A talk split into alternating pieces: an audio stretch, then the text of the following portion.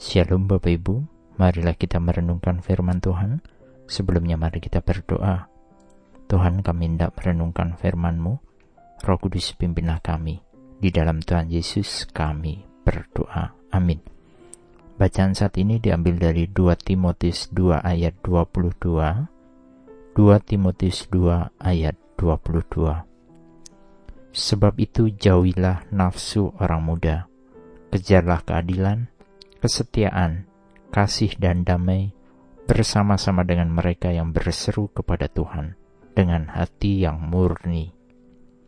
Menurut Kamus Besar Bahasa Indonesia, nafsu memiliki arti keinginan, kecenderungan hati yang kuat, dorongan hati, selera, dan gairah.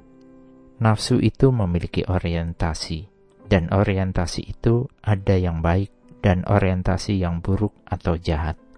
Setiap kita manusia memiliki nafsu tersebut. Paulus dalam bacaan saat ini memberikan nasihat terkait dengan nafsu, khususnya nafsu seorang muda. Dalam hal ini ditujukan untuk Timotius, tetapi nasihat ini relevan juga dengan keberadaan kita manusia saat ini.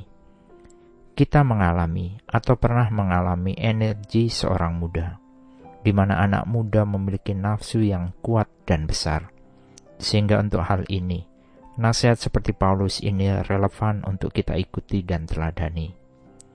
Nafsu memiliki dua kecenderungan, yaitu baik dan buruk.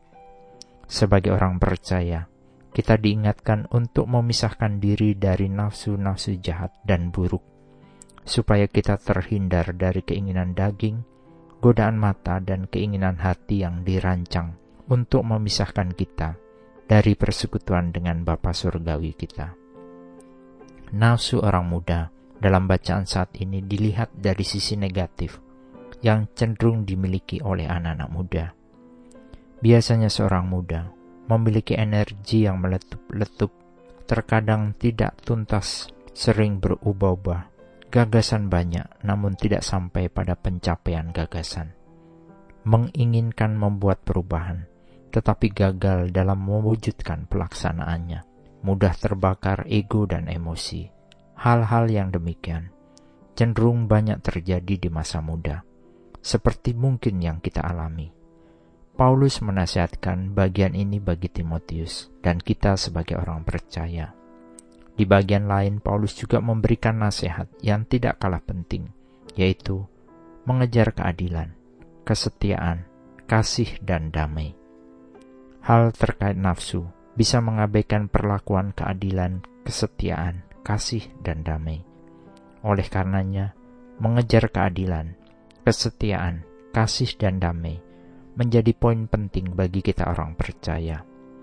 Karena di dalam bagian ini tergambar bagian dari buah roh yang harus terwujud dari pribadi-pribadi kita orang percaya.